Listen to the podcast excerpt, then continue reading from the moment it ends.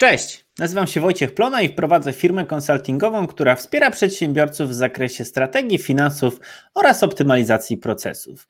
Jak co wtorek zapraszam gości, gości z biznesu, gości, którzy pracują w biznesie, mają własne działalności, swoje spółki, firmy, e, którzy mogą powiedzieć coś więcej na temat e, swojej specjalizacji, tym czym się zajmują, ale też zwrócić uwagę na poważne problemy, e, na sytuację, jak jakie są trendy na świecie, jak sobie z nimi radzić. Dlatego też dzisiaj zaprosiłem e, Krzyśka Krygera, który prowadzi firmę Global IT Solutions. Jest dla mnie. Cześć Krzychu. E, jeżeli chodzi o Krzysztofa, to myślę, że e, jest to jeden z ludzi, który zmienił moje podejście do biznesu, ponieważ po rozmowach z nim, po, po, po konsultacjach, zrozumiałem w pewnym momencie, że firma usługowa to największą wartością jest jej wiedza i należy ją chronić, więc e, w tym kontekście faktycznie e, to, jak podchodzi do pewnych zabezpieczeń, do informacji, do innych, do innych rzeczy, którą zresztą dzisiaj o tym będziemy rozmawiać, no to, e, no to myślę, że to była jedna, jedna z takich ważniejszych osób, które pokazały, że cyberbezpieczeństwo, cyberataki to jest nasza codzienność i my musimy się do tego przystosować, a udawanie, że tego nie ma, to tak naprawdę e, zwiększa nasze e, ryzyko. Krzychu, czy coś chciałbyś dodać na początek? Chciałem się przywitać. Witam jeszcze raz. Krzysztof Kryger. E, prowadzę firmę Global. Zajmujemy się głównie usługami IT dla biznesu.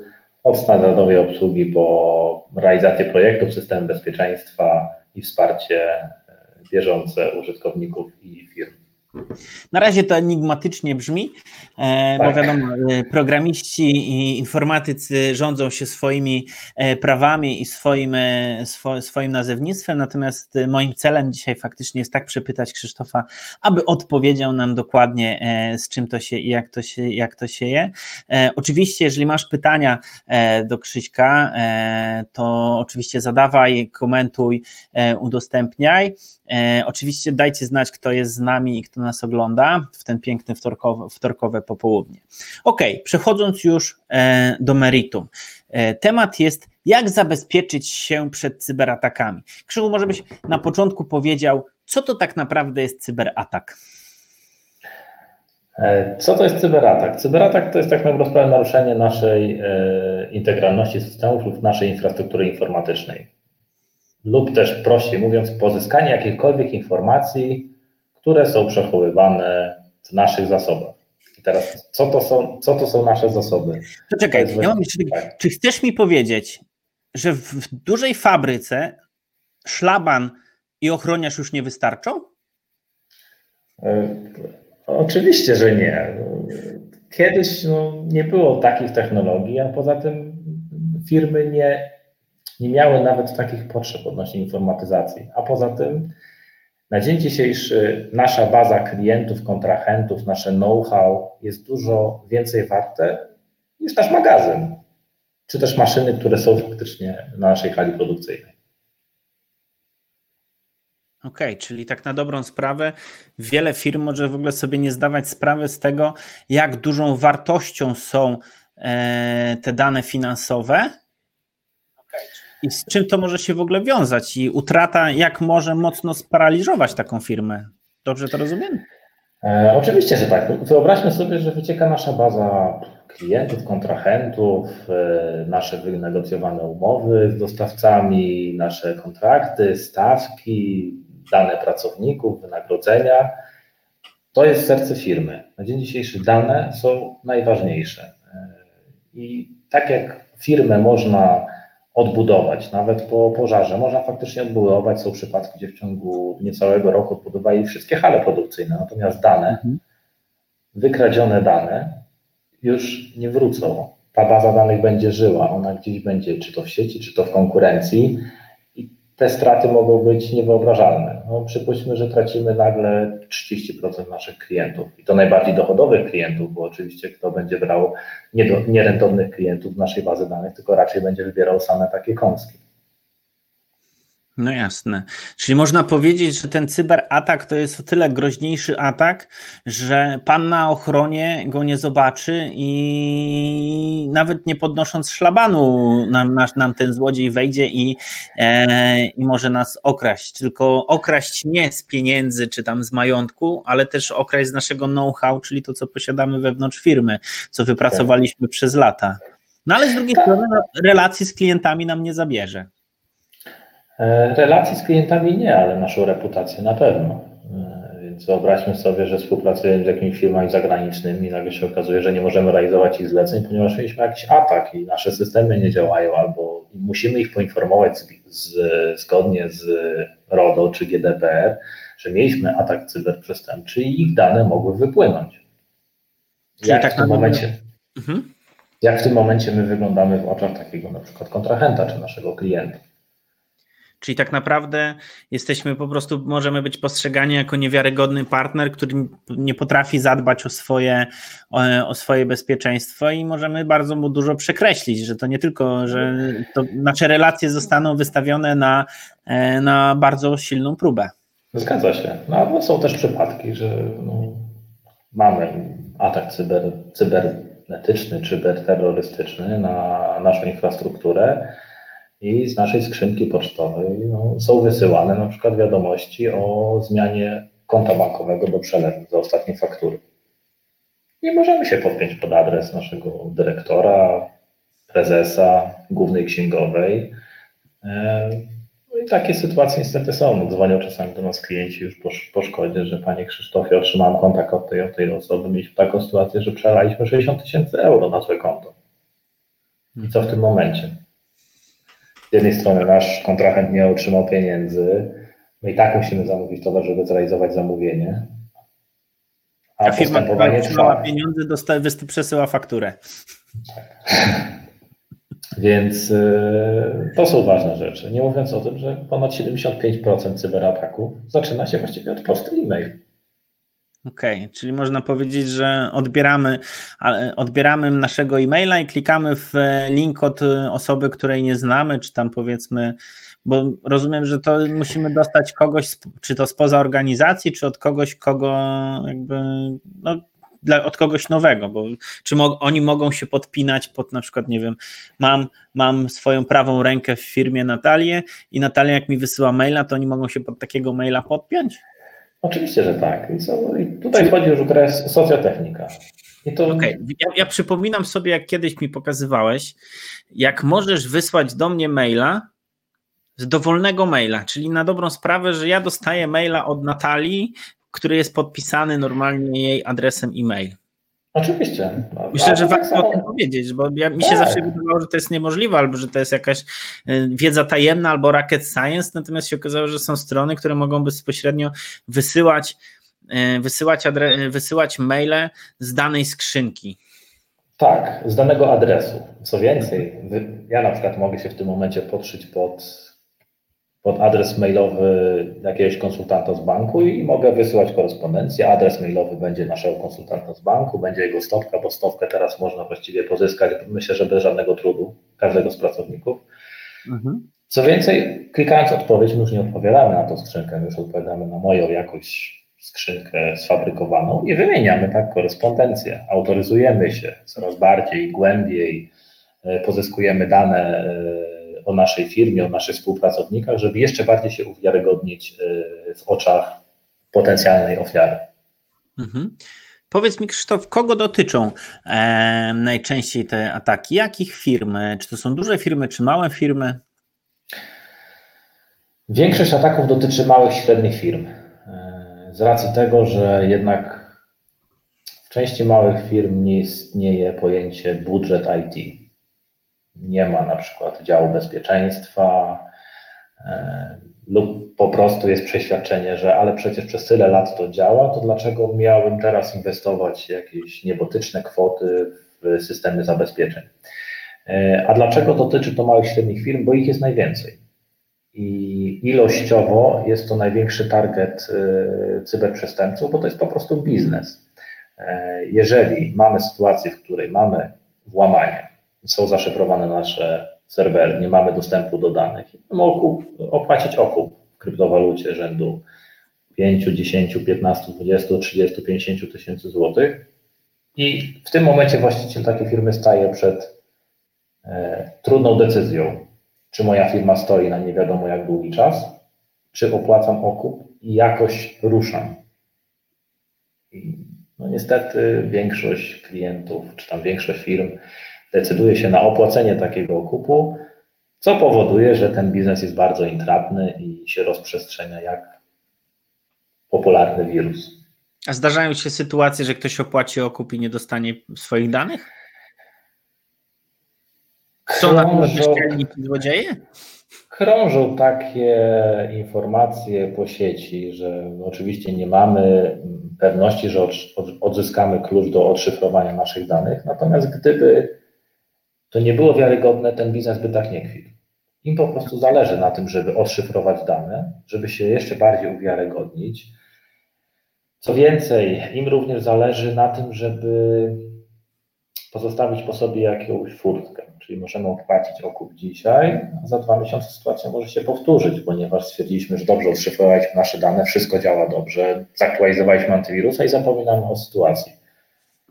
Natomiast y, jest tak zwane pojęcie return attack, czyli powtórny atak. To jest bardzo często spotykane, gdzie cyberprzestępcy zostawiają sobie furtkę na, na przyszłość, po prostu.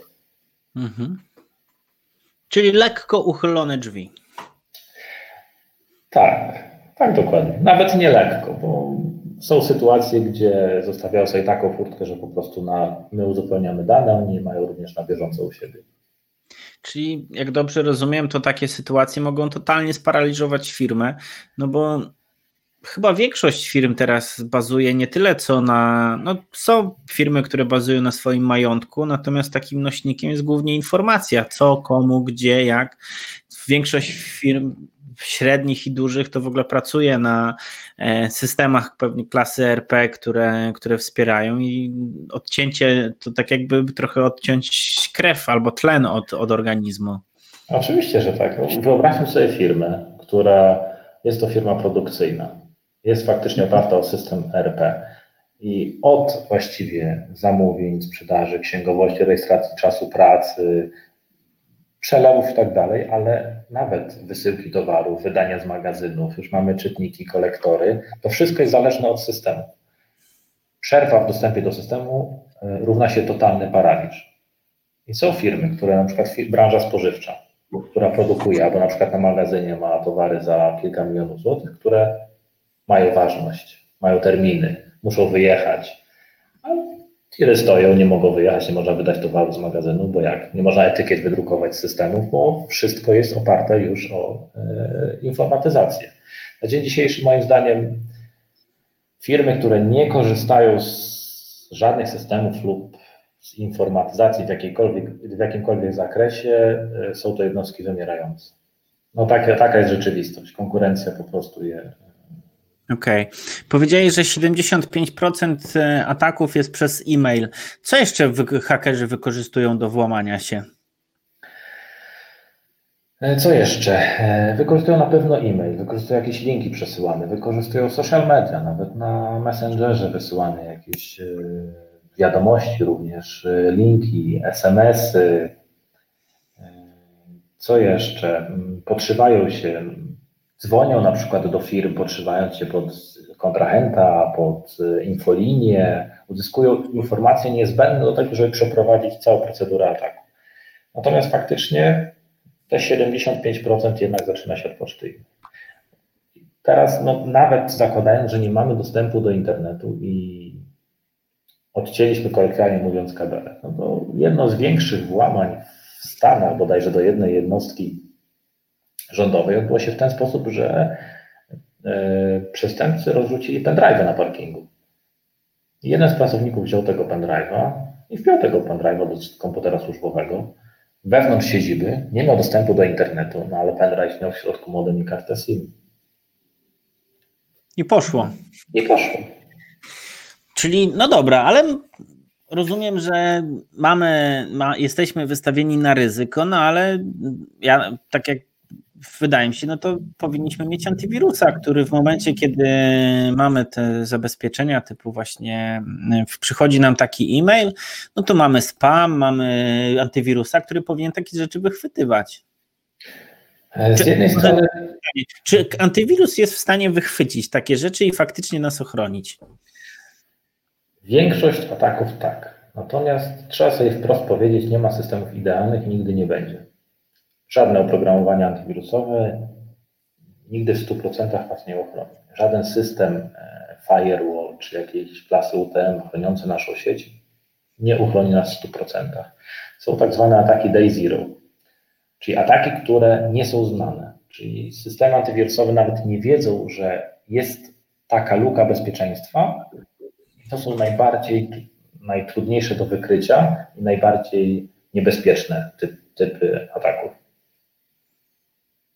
Czyli tak naprawdę pociemna strona mocy pracuje szybciej niż ta jasna strona mocy i można powiedzieć, że tak jak się mówi, że teoria biegnie za praktyką, tak samo, tak samo identyfikacja tych wirusów e, biegnie za tym, za tymi, co wymyślają różne sposoby, jak dostać się do naszych danych i do naszego komputera. Zgadzam no, Nawet powiedzmy tutaj jeszcze e, nadmienię odnośnie aktualizacji chociażby systemu operacyjnego. Duża aktualizacja pojawiała się raz na miesiąc. 90-95% tych aktualizacji to są aktualizacje bezpieczeństwa, czyli ktoś znalazł lukę i my ją łatamy. Na tym to polega. Tak samo proszę zwrócić uwagę na e, przerwy w dostępie do systemów bankowych. Jak często obecnie się zdarzają? No, praktycznie każdy weekend to jakiś bank ma przerwę w dostępie do swoich systemów. To wszystko jest związane z tym, że oczywiście ulepszamy systemy, ale system się nie ulepsza co tydzień, co miesiąc. To jest łatanie tych potencjalnych dziur bezpieczeństwa.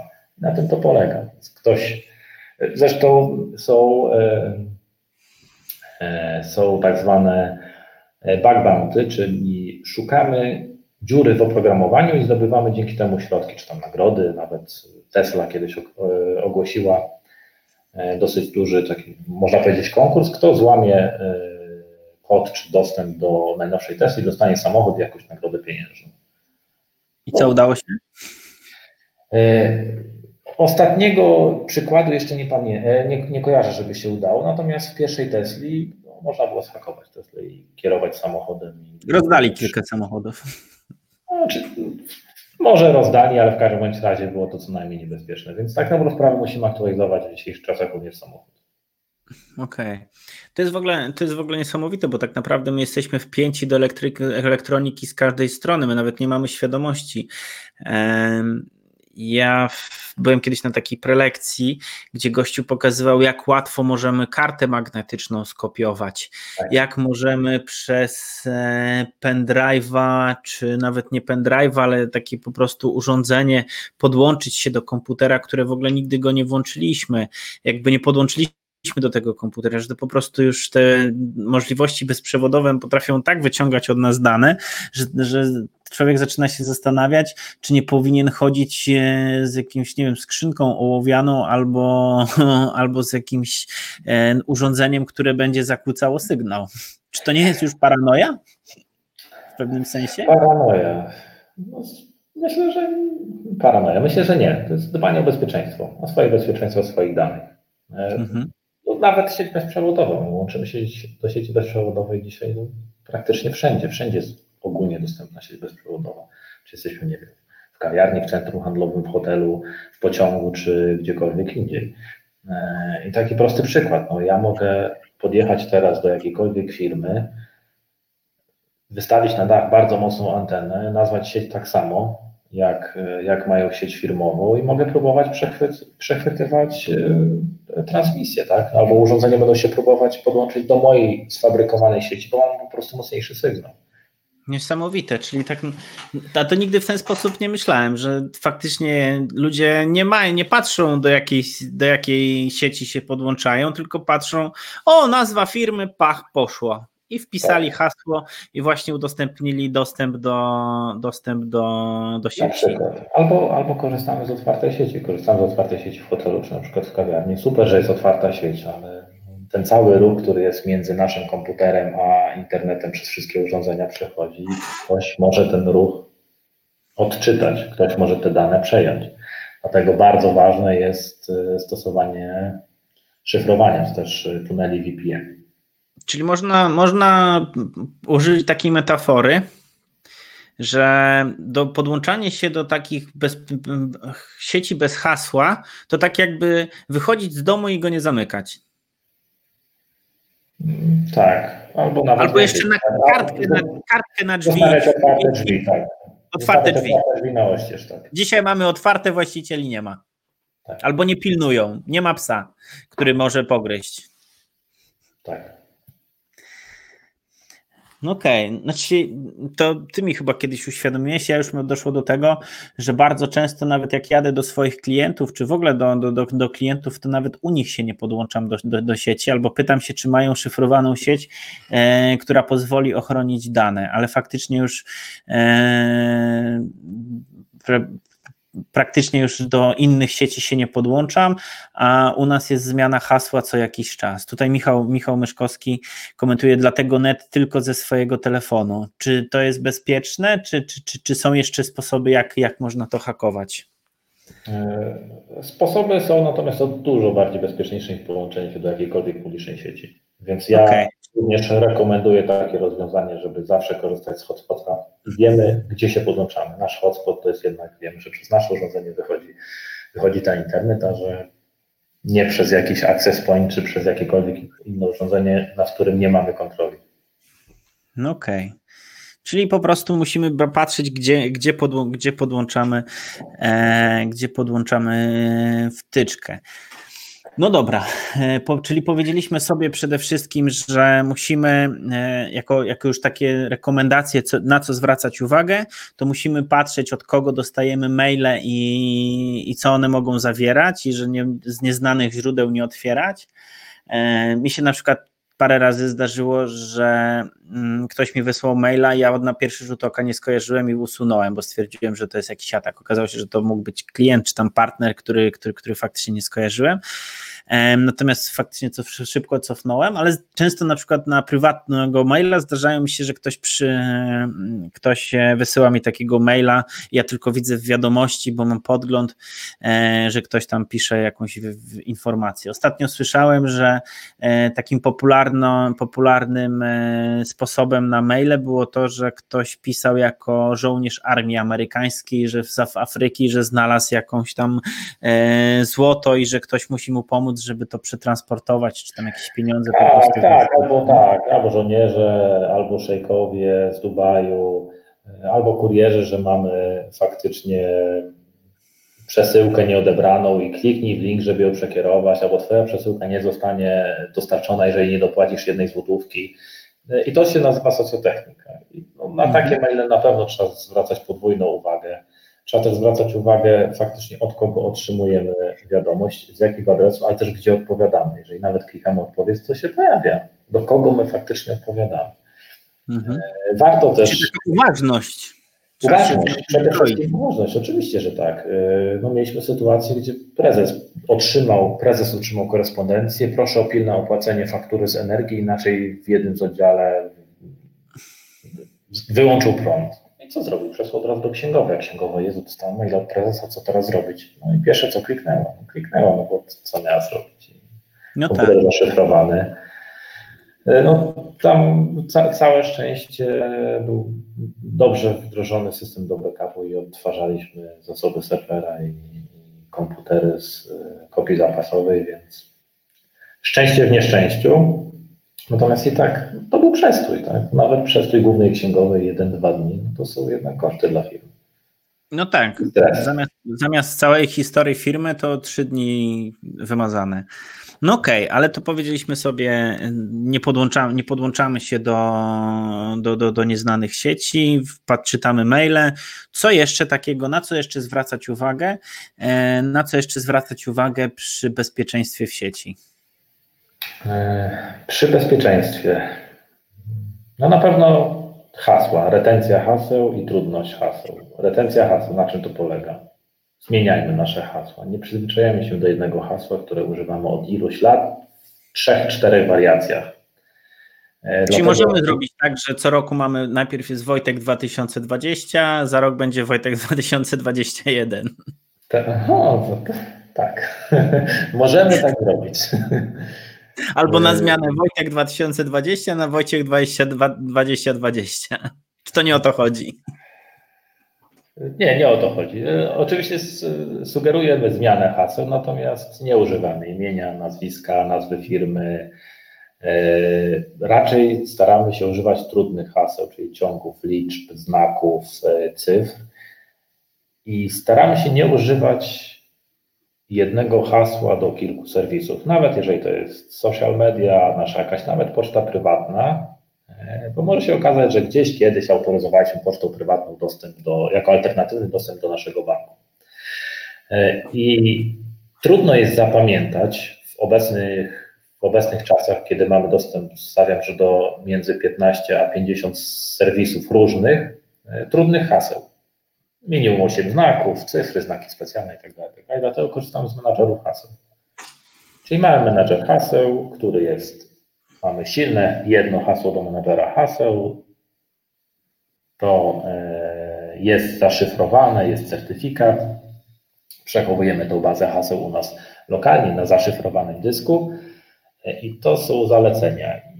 Coraz częściej są stosowane te menadżery i my też również polecamy na przykład y, KeePass jest darmowym rozwiązaniem, które e, jest y, rekomendowane przy wielu firmach. Okej, okay, czyli po prostu trzeba używać trudnych haseł, a najlepiej menadżerów haseł, którzy będą, które będą które będą e, chroniły nasze hasła. Ja nie ukrywam, że kiedyś, jak się przesiadałem z komputerów z oprogramowaniem iOS na komputery Windowsowskie, to powiem szczerze, że bardzo mi brakuje tego pęku kluczy, który był w Macach, e, bo naprawdę praktycznie miałem do czego, zawsze, zawsze hasło miałem e, inne i, i, i w prosty sposób można było się do niego dostać, natomiast w Windowsie faktycznie trzeba używać dodatkowych, e, dodatkowych programów, chyba że o czymś nie wiem, chyba że jest jakieś systemowe rozwiązanie w Windowsie, ale to moja wiedza może być ograniczona na ten temat. E, tak, no menadżery haseł to jest też jedno, ale również sam dostęp do różnych serwisów, e, czyli e, podwójna autentykacja, czyli multi-form authentication. To jest jakby też staje się standardem. Tak jak autoryzujemy się do banku i jednak podając swój login i hasło, często nas prosi o SMS-a, czy też kod z aplikacji, czy też kod z maila, ponieważ z tego urządzenia jeszcze się nie logowaliśmy do naszego banku, czy też od naszej poczty, czy nawet do naszych social mediów. E, I w tym momencie, nawet kiedy jakaś baza haseł wypłynie, a proszę mi uwierzyć, że bardzo wiele baz e, z użytkownikami hasłami wypłynęły w internecie. Kiedyś byliśmy na takiej bardzo fajnej prelekcji e, Piotra Koniecznego z Niebezpiecznika i zadał takie proste pytanie. Wszyscy wstali i zaczął podawać firmy czy też portale, z których korzystamy. I jeżeli się pojawił ten portal, to trzeba było usiąść. Właściwie na końcu nikt nie stał, wszyscy siedli, a się okazało, że wszystkie bazy tych serwisów wyciekły. To są bazy różne, bankowe, social media, Allegro.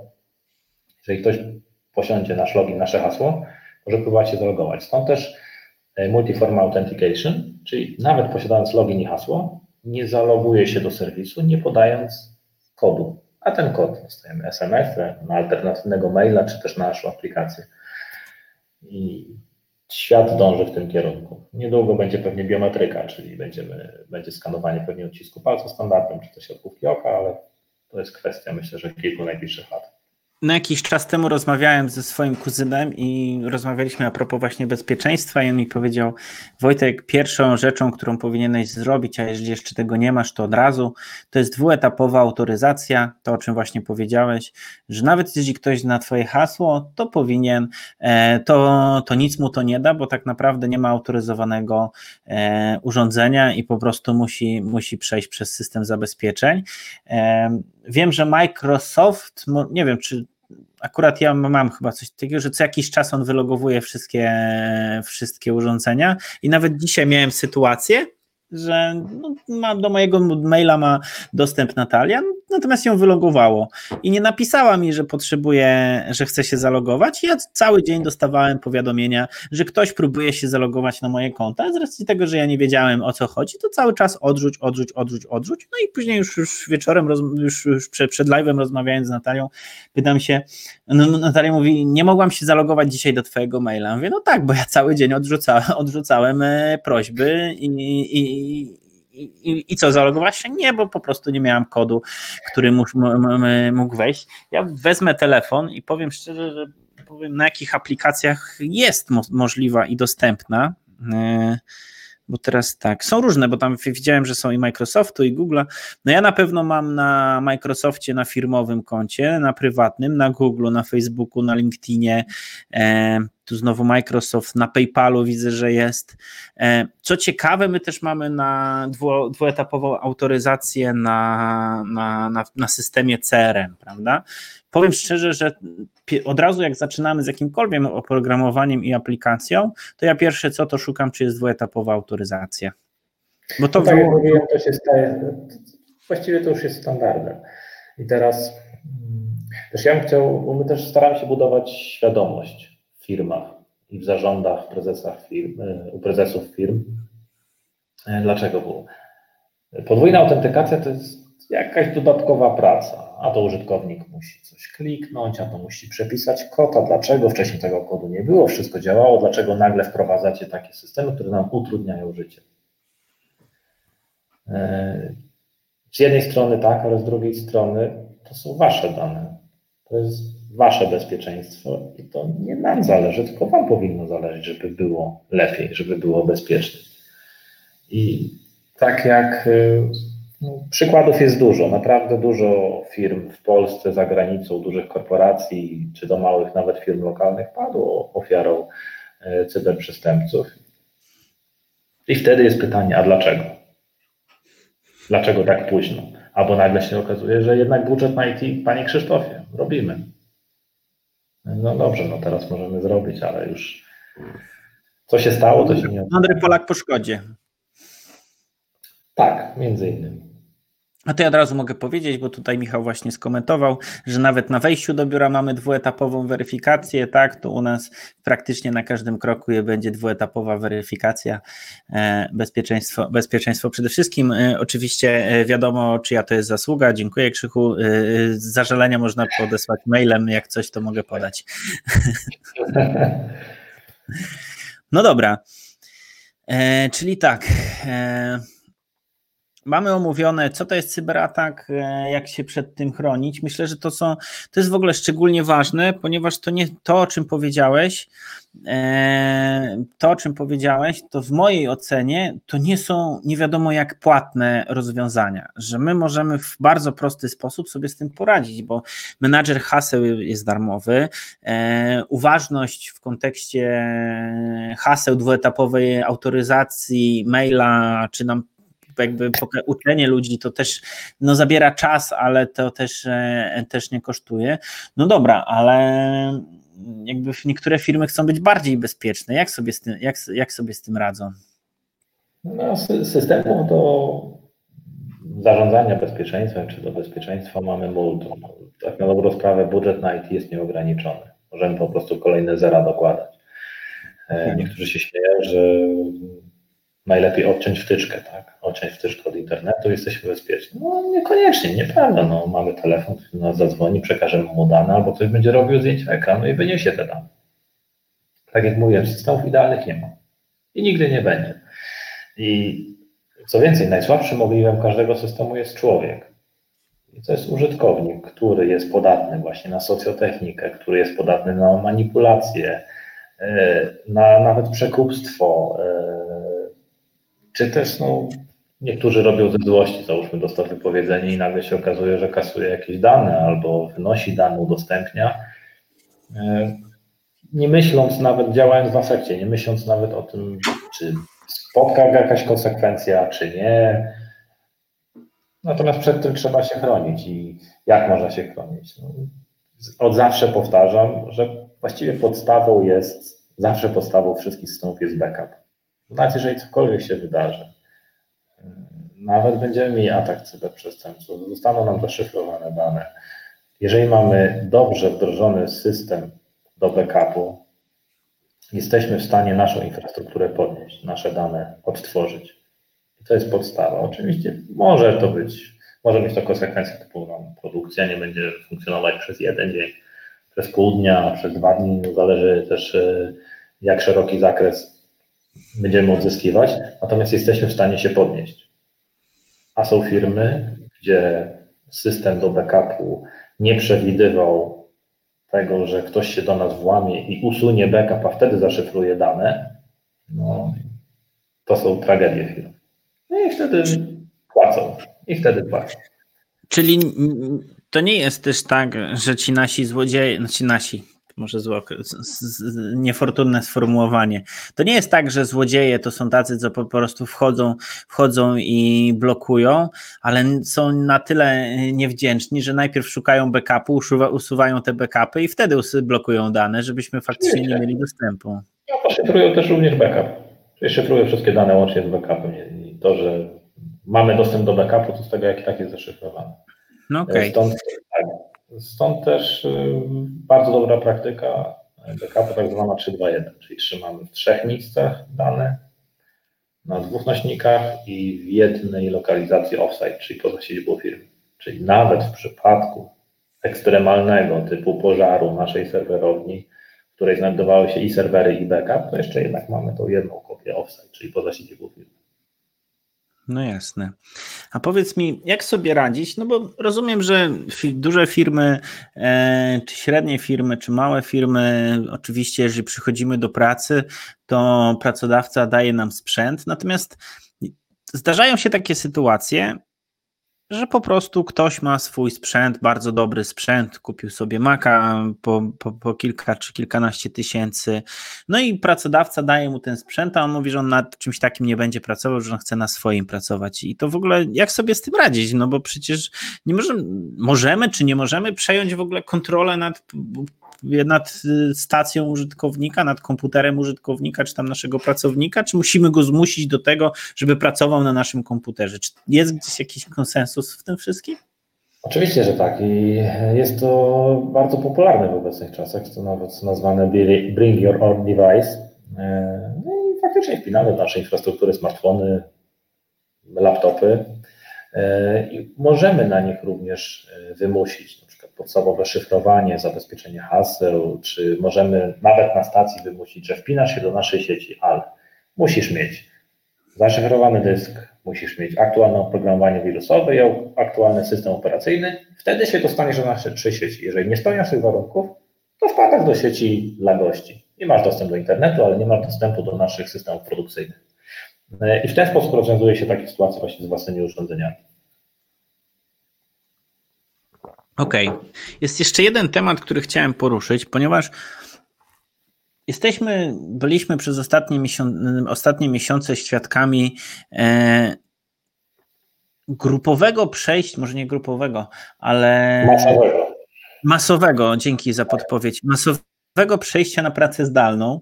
E, I tak jak może ja nie powiem szczerze, że ja nie miałem świadomości, bo my wdrożyliśmy już tam środowisko Microsoftu już jakiś czas temu i, i mimo, że pracowaliśmy w biurze, to pracowaliśmy na narzędziach IT, które nam na to pozwoliły i nawet nie odczuliśmy, że przyszliśmy na, na, na pracę zdalną to wiem, że mnóstwo firm po prostu sobie z tym nie do końca dawało rady. Jakie wtedy, jakie, może, może inaczej, jakie zagrożenia się pojawiły w tym momencie, jeżeli firmy przeszły z, takiego stacjon, z takiej stacjonarnej pracy na pracę zdalną? Czy są, pojawiają się jakieś dodatkowe zagrożenia e, i jak sobie z tym radzić? Zagrożenia oczywiście, że się pojawiają i to wręcz nie małe, ponieważ nie wszystkie firmy były przygotowane na to, żeby w pewnym momencie 80, 90 czy 100% pracowników przenieść do online tak zwanego. No po pierwsze to wymagany, może był jakiś sprzęt, y, technologie, dostępy zdalne i niestety, ale część firm poszła na skróty, czyli dobrze dajemy Ci dostęp do naszej infrastruktury z dowolnego sprzętu, tutaj masz login, hasło, ikonkę na pulpicie i możesz się łączyć i pracować. I nawet Ja tak hobbystycznie korzystam z pewnej aplikacji, którą kiedyś kupiłem za całe 5 dolarów na Digital Monday czy Black Friday, dzięki której mogę skanować sieci w Polsce czy na świecie i pokazywać, gdzie są właśnie takie serwery, które są wystawione bezpośrednio na świat. E, czyli w takiej sytuacji, jaka była obecnie, mieliśmy wysyp wręcz takich e, klientów, którzy e, nie, nie do końca zadbali swoje bezpieczeństwo. Jeżeli my, gdzie nie, nie specjalizujemy się jakby w cyberterroryzmie i cyberprzestępczości, jesteśmy w stanie wykazać takie luki bezpieczeństwa, no to takie systemy mają od kilku do kilkunastu tysięcy prób łamań dziennie. Jest to kwestia czasu, kiedy jakieś hasło zostanie złamane lub ktoś dostanie do naszej infrastruktury, czy już ma dostęp do naszych danych, ale jeszcze o tym nie wiemy. E, jak sobie firmy radziły? Firmy, które były przygotowane, które miały dobrą infrastrukturę, które miały dobre urządzenia, e, już przygotowane na wzmożony ruch, na technologie zdalne, na bezpieczne technologie zdalne, przepinaliśmy po kilkudziesięciu użytkowników dziennie, po prostu od tak. Firmy, które nie miały takiej technologii, no to już były zmuszone na przykład do nagłych inwestycji, e, do działań, których my nie rekomendujemy, ale firma musiała działać. No przecież w tym momencie nie zamknę firmy i moi pracownicy nie będą siedzieć w domu, nie będą, nie są produktywni a musimy pracować, a budżetu na przykład nie ma, bo w sytuacji, kiedy uderzył w nas COVID i było widmo jakichś strat, to w tym momencie jak znaleźć jeszcze budżet na IT? I to były trudne decyzje, niektórzy klienci faktycznie się decydowali na to, niektórzy, tak jak mówiłem, e, szli na skróty. A to jest e, krótka moim zdaniem przygoda. Okej. Okay. Ja się spotkałem z pojęciem VPN-u, natomiast mam jakieś ogólne pojęcie, jak to działa, co, jak to może w ogóle pomagać firmom. Jak to może pomagać firmom? Co to jest technologia VPN? VPN to jest e, skrót od Virtual Private Network, czyli my, nasze połączenie między punktem A a punktem B, czyli na przykład naszym oddziałem a centralą, naszym handlowcem a centralą, czy naszym handlowcem jakimkolwiek innym systemem, jest szyfrowane, czyli my najpierw zostawiamy tunel, czyli kanał, a dopiero potem transmisja danych e, jest wymieniana. E, czyli mamy pewność, że nikt nas nie podsłucha, a jak już podsłucha, nawet gdyby udało mu się ten ruch przejąć, to i tak nie jest w stanie go odszyfrować. Czyli transmisja jest bezpieczna. Stąd też nawet sugerujemy, żeby technologii VPN używać wszędzie i zawsze. W sieciach hotelowych, e, czy nawet będąc u klienta, żeby jednak zestawić sobie połączenie VPN i teraz nawet można kupić za kilka dolarów rocznie subskrypcję na VPN-a, który przechodzi przez jakiś bezpieczny serwer, czy to w Polsce, czy też e, w Europie i szyfruje ten ruch. Nasz ruch, czyli nasze dane są w 100% szyfrowane między naszym komputerem, a nie przeglądarką, e, serwerem jakimś, nie wiem, pocztowym, e, stroną internetową itd., tak itd. Natomiast w pojęciu pracy zdalnej VPN e, moim zdaniem jest podstawą. Czyli najpierw zostawiamy VPN, a dopiero potem dostajemy się do, naszych, do naszych zasobów firmowych. Jest to tak zwane must have. Okej, okay, czyli rozumiem, że E, jak podłączamy się, bo ja zastanawiam się, jak to działa, jak to działa tak już e, w praktyce, tak operacyjnie, czyli można powiedzieć, że ja wybieram sobie jakąś tam sieć VPN, podłączam się i co do innego pulpitu, do pulpitu, którego mam w pracy, jak to w ogóle działa? Jakby do tego ja się podłączam tak naprawdę. Czy mam jakieś foldery, które są na serwerze ogólnodostępnym, firmowym? Znaczy, Czy tam mam dostęp do programów? E, VPN. E, zestawiając połączenie VPN, możemy mieć dostęp do całej naszej sieci, czyli byśmy, właściwie możemy otrzymać dostęp do zasobów tak, jakbyśmy siedzieli w biurze. A siedzimy gdziekolwiek. Na Hawajach, na ławeczce możemy sobie z laptopem, zestawić połączenie VPN i mamy dostęp do naszych aplikacji firmowych. E, jeżeli mamy pocztę u siebie, również do poczty, do pliku, do folderów, możemy drukować dokumenty na drukarkach lokalnych w bezpieczny sposób. I na tym to polega. E, jeżeli mówimy o dostępie do aplikacji firmowych, to najczęściej to jest zastosowane dzięki VPN-owi, a następnie pulpit zdalny na serwer terminalowy i na nim już jest zainstalowana aplikacja z racji e, optymalizacji ruchu, ponieważ e, w obecnych czasach przepychamy przez sieć niebotyczne ilości danych. Nawet sobie nie zdajemy sprawy, ile tych danych jest wymienianych między naszym komputerem a serwerem w sieci lokalnej. No i teraz jest ograniczenie, może być łączne, bo o tyle, jeżeli teraz mamy, załóżmy, jesteśmy, mieszkamy, nie wiem, w bloku, w mieście, gdzie mamy szerokopasmowy dostęp do internetu, dosyć dobrej przepustowości, to nie odczujemy tego. Natomiast jeżeli jedziemy na wakacje gdzieś sobie na Mazury i jesteśmy w jakiejś agroturystyce i nie mamy LTE albo mamy bardzo słabe łącze, no to w tym momencie VPN-a zestawimy, ale no, ten pulpit zdalny będzie wymagany z racji te, te, tego przesyłu danych. Okej. Okay. No, powiem szczerze, że dla mnie to są mega wartościowe. Z jednej kwestii to są kwestie takie, że przypominają mi, e, że warto dbać o bezpieczeństwo. Dajcie, daj znać e, w swoim komentarzu, czy, czy są to dla Ciebie nowe informacje, czy spotkałeś się z tym, e, czy miałeś w ogóle świadomość tego, jak duże niebezpieczeństwo w funkcjonowaniu Twojej firmy lub firmy, w której pracujesz, e, może być związane z tym, że przez naszą nieuwagę, przez otwieranie maili, przez brak dwuetapowej autoryzacji, czy podłączanie się do sieci e, Wi-Fi, które są otwarte, czy w taki sposób e, możemy, jakby, czy jesteśmy świadomi, że w ten sposób możemy zatrzymać firmę na dzień, na dwa, albo doprowadzić do jej upadku. Dajcie, daj, daj znać w, w komentarzu. E, bo myślę, że, że to się o tym mało mówi, bo zawsze IT, przynajmniej mi się wydawało, że IT to zawsze jest e, związane z nałożeniem, z, z, kosztami, z, z wiedzą tajem, tajemną, natomiast e, chyba ty i, i, i twoi ludzie mi uświadomiliście, że można zacząć od prostych rzeczy, natomiast wiem, że jak się wchodzi w to coraz głębiej, to widzi się pewne dodatkowe kwestie i chce się przed tymi zabezpieczać, bo um, jest, to, jest to, jak człowiek rozumie, jaką, jaką wartość mają dane, jakie ma informacja, a zwłaszcza firmy oparte na wiedzy, no to, to, to, to, to myślę, że to jest kwestia, co już mówiliśmy, e, to, co już mówiliśmy, wiarygodności, że jeżeli my jesteśmy w stanie pokazać, że jesteśmy firmą bezpieczną, że dbamy o nasze dane i nasi pracownicy e, są w odpowiedni sposób przeszkoleni, no to to jest po pierwsze wiarygodność, ale też taka odporność na, na, na te rzeczy i, i trwałość e, w tym kontekście. Powiedz mi. Zgadza, zgadza się, nawet nasi klienci którzy współpracują z e, jakimiś koncernami zagranicznymi, no, oni również przechodzą audyty IT i my bierzemy udział w tych audytach IT, czyli my informujemy, jak jest zabezpieczona infrastruktura, jak są zabezpieczone dane, które otrzymują od kontrahentów zagranicznych e, i również często są jakieś uwagi do, do tego, albo pytania, czy faktycznie dane są szyfrowane, w jaki sposób są zabezpieczone, w jaki sposób jest zabezpieczone systemy są, czy jest oprogramowanie antywirusowe, właśnie dwuetapowa autoryzacja.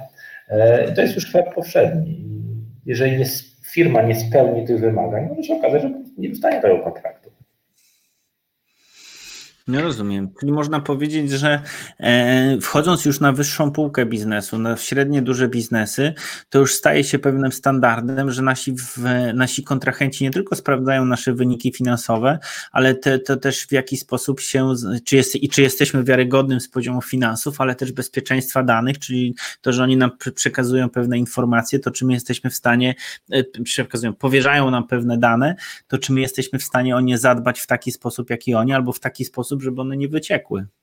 Dokładnie.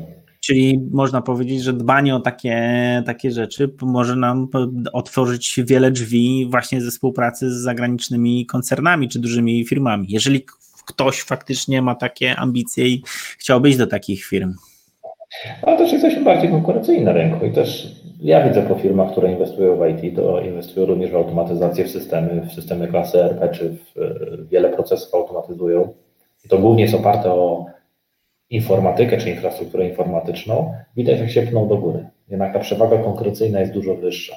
Systemy nie wiem, elektronicznego obiegu dokumentów, yy, systemy monitorujące produkcję, rentowność na przykład na każdym etapie, przekuwają się na albo zwiększenie zysków, albo na faktycznie zwiększenie konkurencyjności. Więc ci, ja, którzy ja mogę myślę, że prędzej czy później zostaną wyparci z rynku.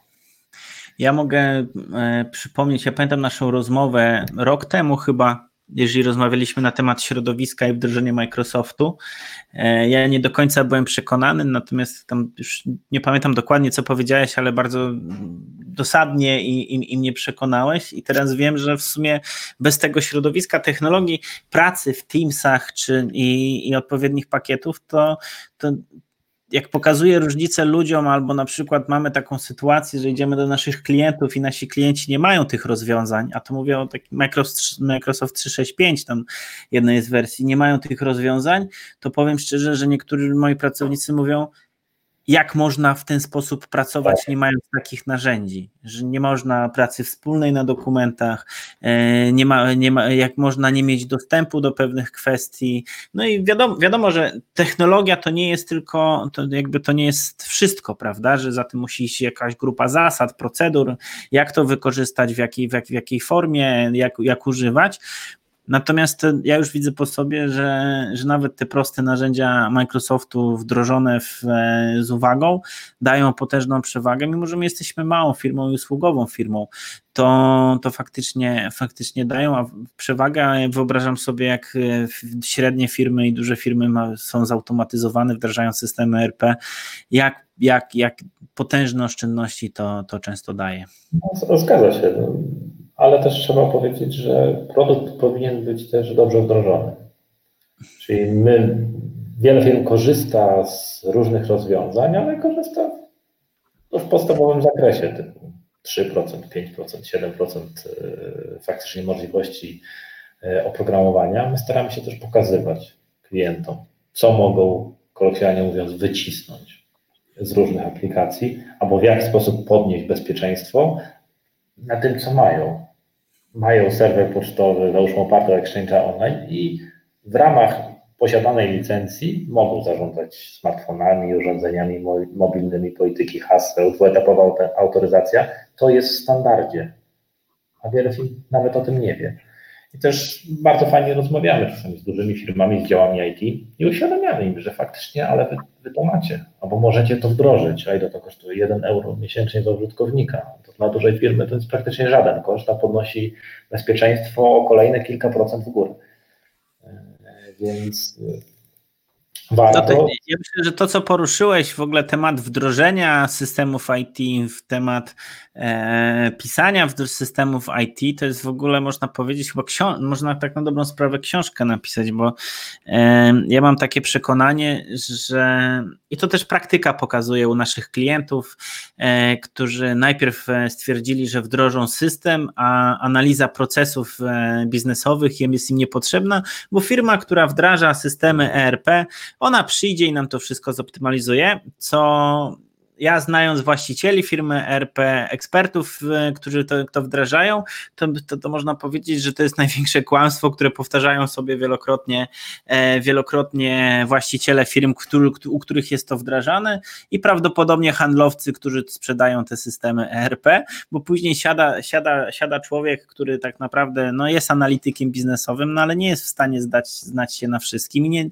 nie do końca wejdzie w te procesy, czy to księgowe, czy to operacyjne, czy, czy czy, czy, czy, czy logistyczne. Jest mnóstwo tego i nie jest w stanie do końca złapać i po prostu ten proces takiej analizy przygotowania, jak to faktycznie przebiega, kto z czym, gdzie, dlaczego, jakich informacji wykorzystuje, e, co jest po czym, co jest od czego zależne, czy, czy, czy musi być zgoda, czy nie musi być zgoda, kto ją daje, na jakim poziomie, do jakiej kwoty, to nikt o tym wtedy nie myśli, no bo przecież po co? No i później się okazuje, że jest jakaś sztampowe wdrożenie, szkolenie trwa jeden dzień plus prezentacja, której nikt nigdy nie przeczyta. Fajnie, jak są na przykład filmiki nagrane, ale to też trzeba, tak jak prezentację ją przeczytać, a, a filmiki obejrzeć i nikt tego, nikt tego nie ogląda. I później jest e, przekonanie, że ma taki drogi system i w ogóle on nam nie pomaga. Że mam tak. wrażenie, że faktycznie dużo, dużo przedsiębiorców, właścicieli firm myśli, że zakup rozwiązuje wszystkie problemy. Powiedz mi, e, czy ty się spotykasz w kontekście właśnie takich systemów RP? Czy potwierdzasz moje słowa, czy, czy może byś no, coś dodał? Oczywiście, że potwierdzam. Czy w ogóle się z nimi nie zgadzasz? Oczywiście, że potwierdzam i z doświadczenia wiem, że najważniejsze w każdym projekcie informatycznym jest, najważniejsza jest analiza analiza potrzeb klienta, dopasowanie tych potrzeb do możliwości systemu, a wtedy dopiero wybór systemu. Nie chodzi o to, żeby kupić system, a potem robić analizę i się okaże, że no dobrze, nasz system tego nie wspiera, a żeby to dopisać, to jest kolejne 100 tysięcy złotych. E, więc y, analiza czy też y, audyt w firmie, od tego trzeba zacząć. Mamy opisane procesy, mamy opisane wymagania i możemy iść do kilku dostarczyć. No teraz już systemów ERP mamy sporo na rynku. Już w Polsce mamy też sporo zagranicznych systemów, które mogą faktycznie spełniać nasze oczekiwania, które polskie rodzime systemy nie będą spełniać, ale mamy analizę, wiemy czego potrzebujemy i już teraz może, już potem możemy wy, wybierać. Natomiast niezmiernie ważne również przy każdym projekcie informatycznym jest szkolenie pracowników. I szkolenie dobrze przygotowane, nie szkolenie typu pokażemy Wam system, jak włączyć system i jak kliknąć tutaj, żeby, nie wiem, wystawić fakturę albo zrobić jakiś jeden raport. Nie, nie o to Pięć chodzi. podstawowych funkcji systemu. Można ich rozdzielić. Więc y, szkolenia powinny być, y, powinny przynajmniej być y, w kilku etapach, na, albo na każdym etapie wdrożenia, albo końcowe, z podziałem na grupy, z podziałem na funkcjonalności, żeby ci użytkownicy zobaczyli te korzyści systemu. Nagle się okazuje, że po pół roku czy po roku ktoś odkrył jakąś funkcję, która była od samego początku w systemie.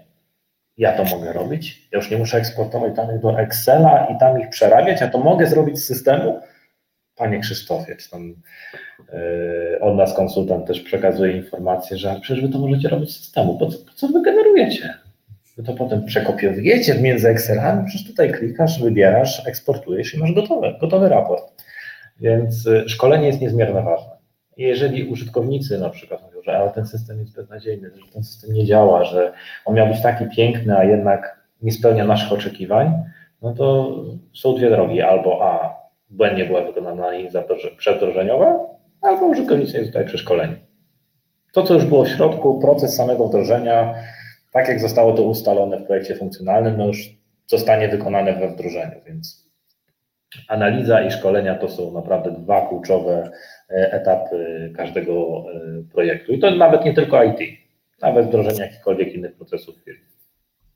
Mieliśmy ostatnio taki przykład i to w ogóle bardzo często się zdarza, to, to mogę na, na to uczulić, że dane z systemu ERP nie zgadzały się z danymi księgowymi. Akurat to tam nie było do końca po, połączone.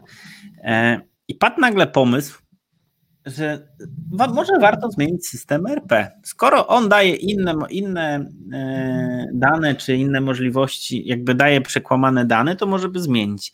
Natomiast ja wtedy zapytałem, a może warto przeanalizować, co my wpisujemy, co, co my wpisujemy, albo co wpisujecie do tego systemu, że on wyklu, wy, wy, wyrzuca te dane, bo to nie bierze się znikąd, prawda? Że, że później te same dokumenty, które są wpisane do tego systemu, one później idą do księgowości i my mamy jedne wyniki w systemie, a drugie w księgowości mimo że operujemy na tych samych danych, na, na tych samych dokumentach. Więc może warto prześledzić procesy, w jaki sposób zasilamy ten system i może wtedy dojrzymy, się z, dojrzymy z czego wynikają różnice. No i faktycznie, faktycznie, faktycznie e, jest, jest to w trakcie. Natomiast takiej, mówię o takiej krótkiej refleksji, że e, nawet jeżeli nam się z tym e, nie działa, no to zmiana, nauczenie się go, później szkol, analiza, szkolenia, dostosowanie, to nam się wydaje, że to jest od tak, że my to zmieniamy i, i, i już jest. Natomiast ja nie wiem, czy to nawet i pół roku, i rok może nie trwać takie nauczenie się, bo my już nie pamiętamy, kiedy był ten system, ile on trwa, ile on zajęła nauka, a też warto zwrócić uwagę, że większość uczestników, użytkowników danego systemu, to, to co ja obserwuję, ma już swoje przyzwyczajenia e, i skróty systemowe, i które niekoniecznie pozytywnie wpływają na, na, na, na, na to, jak się zasila te, te... O, oczywiście, że tak. I też przy, przy wdrożeniu nowego systemu jednak pojawia się tak zwana fala hejtu od strony użytkowników. Bo to jest zmiana, to jest nowy system, a trzeba się czegoś nauczyć, a dlaczego tak, a w tamtym było łatwiej, w tym było przejrzyście. No może się to pojawić, natomiast y, moim zdaniem jedna osoba w firmie nie powinna wybierać systemu. Typu, że przyjedzie handlowiec, przekona prezesa i pokaże mu fajne kilka slajdów i jakieś kilka jakichś prezentacji prezes stwierdzi, tak, ja chcę to mieć, moim zdaniem nie tędy droga. No trzeba zebrać zespół, trzeba przetestować rozwiązanie, zobaczyć nie jedno, a zobaczyć przynajmniej trzy rozwiązania. I podjąć świadomą decyzję, jaki system, w którym kierunku pójdziemy, jak wygląda proces wdrożenia, przejechać się nawet bardzo często. Można przejechać się do innego klienta, który korzysta z tego, z tego systemu w podobnej branży.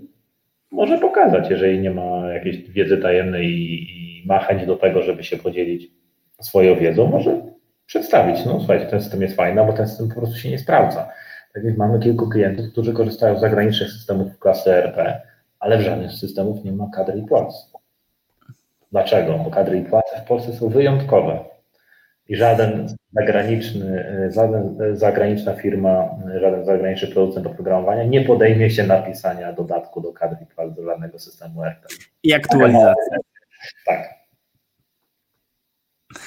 Okej. Okay.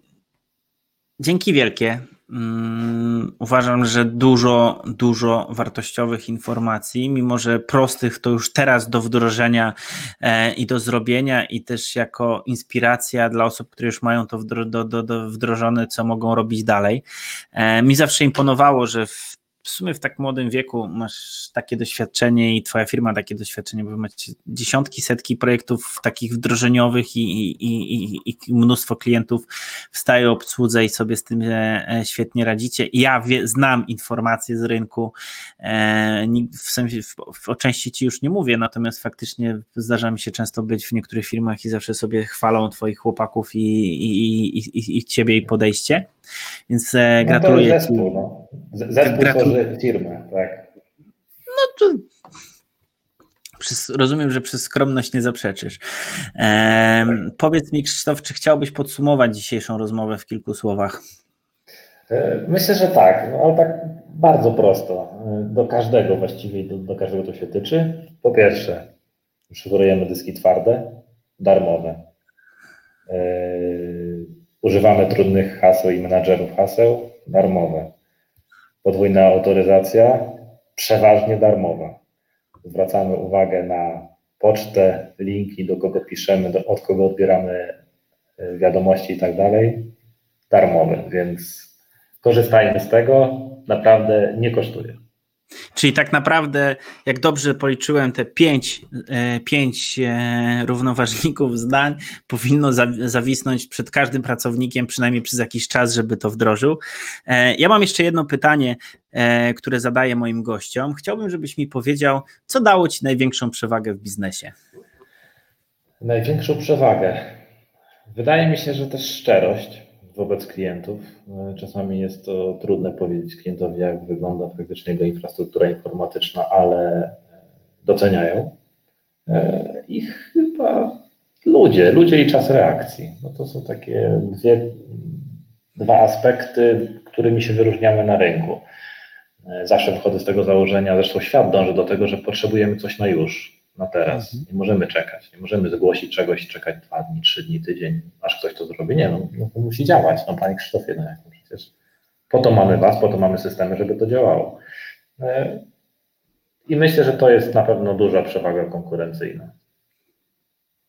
Jasne. Dzięki wielkie. E, ja również dziękuję. Tobie, tobie, tobie widzu, e, zachęcam do tego, żeby te pięć punktów, o których dzisiaj, po, pod, w których podsumował Krzysztof naszą rozmowę, e, żeby wdrożyć, e, żeby nie ominąć tego i dbać o swoje bezpieczeństwo w sieci, ponieważ to może mieć wpływ na to, e, po pierwsze, czy e, po pierwsze, czy e, nasza firma może stanąć z dnia na dzień poprzez atak hakerski, a jeżeli faktycznie nie wdrażamy tego, to pytanie nie brzmi czy, tylko kiedy. E, I warto sobie zwrócić na to uwagę. Dla mnie pytanie, które do mnie najbardziej trafia, to co by się stało, gdybyś nagle żadnego komputera w firmie nie mógł odpalić e, i żadnego, żadnego, żadnego systemu. E, więc jeżeli Ci się spodobało, jeżeli masz pytania, jeżeli masz pytania, to zadawaj, ponieważ jeżeli oglądasz to nagranie, czy na YouTubie, czy na Facebooku, bo my to zostawiamy, e, to zadaj pytanie. E, Krzysztof jak najbardziej zobowiązał się do tego, że, że odpowie, albo przynajmniej połączymy Cię z Krzysztofem, żeby, żebyście mogli dalej wymieniać myśli. Jeżeli Ci się podobało, to udostępnij, skomentuj. Jeżeli masz znajomego, który dalej twierdzi, że ochrona, pan ochroniarz, pan Andrzej na ochronie i szlaban e, to wystarczająca ochrona, to koniecznie poleć mu to albo jedź do niego i włącz i obejrzyjcie to jeszcze raz e, razem. Jak Krzychu, bardzo Ci dziękuję za dzisiejszą dawkę wiedzy. E, uważam, że to jest mega ważne to, o czym dzisiaj, e, dzisiaj rozmawialiśmy i to, o czym dzisiaj mówiłeś e, i myślę, że myślę, że będzie to inspiracją dla e, wielu naszych widzów. Widziałem, że bardzo dużo osób oglądało e, i, dziękuję Ci bardzo. E, oczywiście widzimy się za tydzień. Będą tematy Nieco inne e, będą tematy związane. Za tydzień naszym gościem będzie e, ktoś, kto powie nam, co zrobić, żeby nasze biznesy rosły i więcej sprzedawały. I z tym was, e, z tym was i ciebie zostawiam. Do zobaczenia za tydzień, wtorek, godzina 19 na naszym fanpage'u. Dzięki wielkie. Ja nazywam się Wojciech Plona. Dzisiejszym gościem był Krzysztof Kryger i do zobaczenia za tydzień. Cześć. Cześć.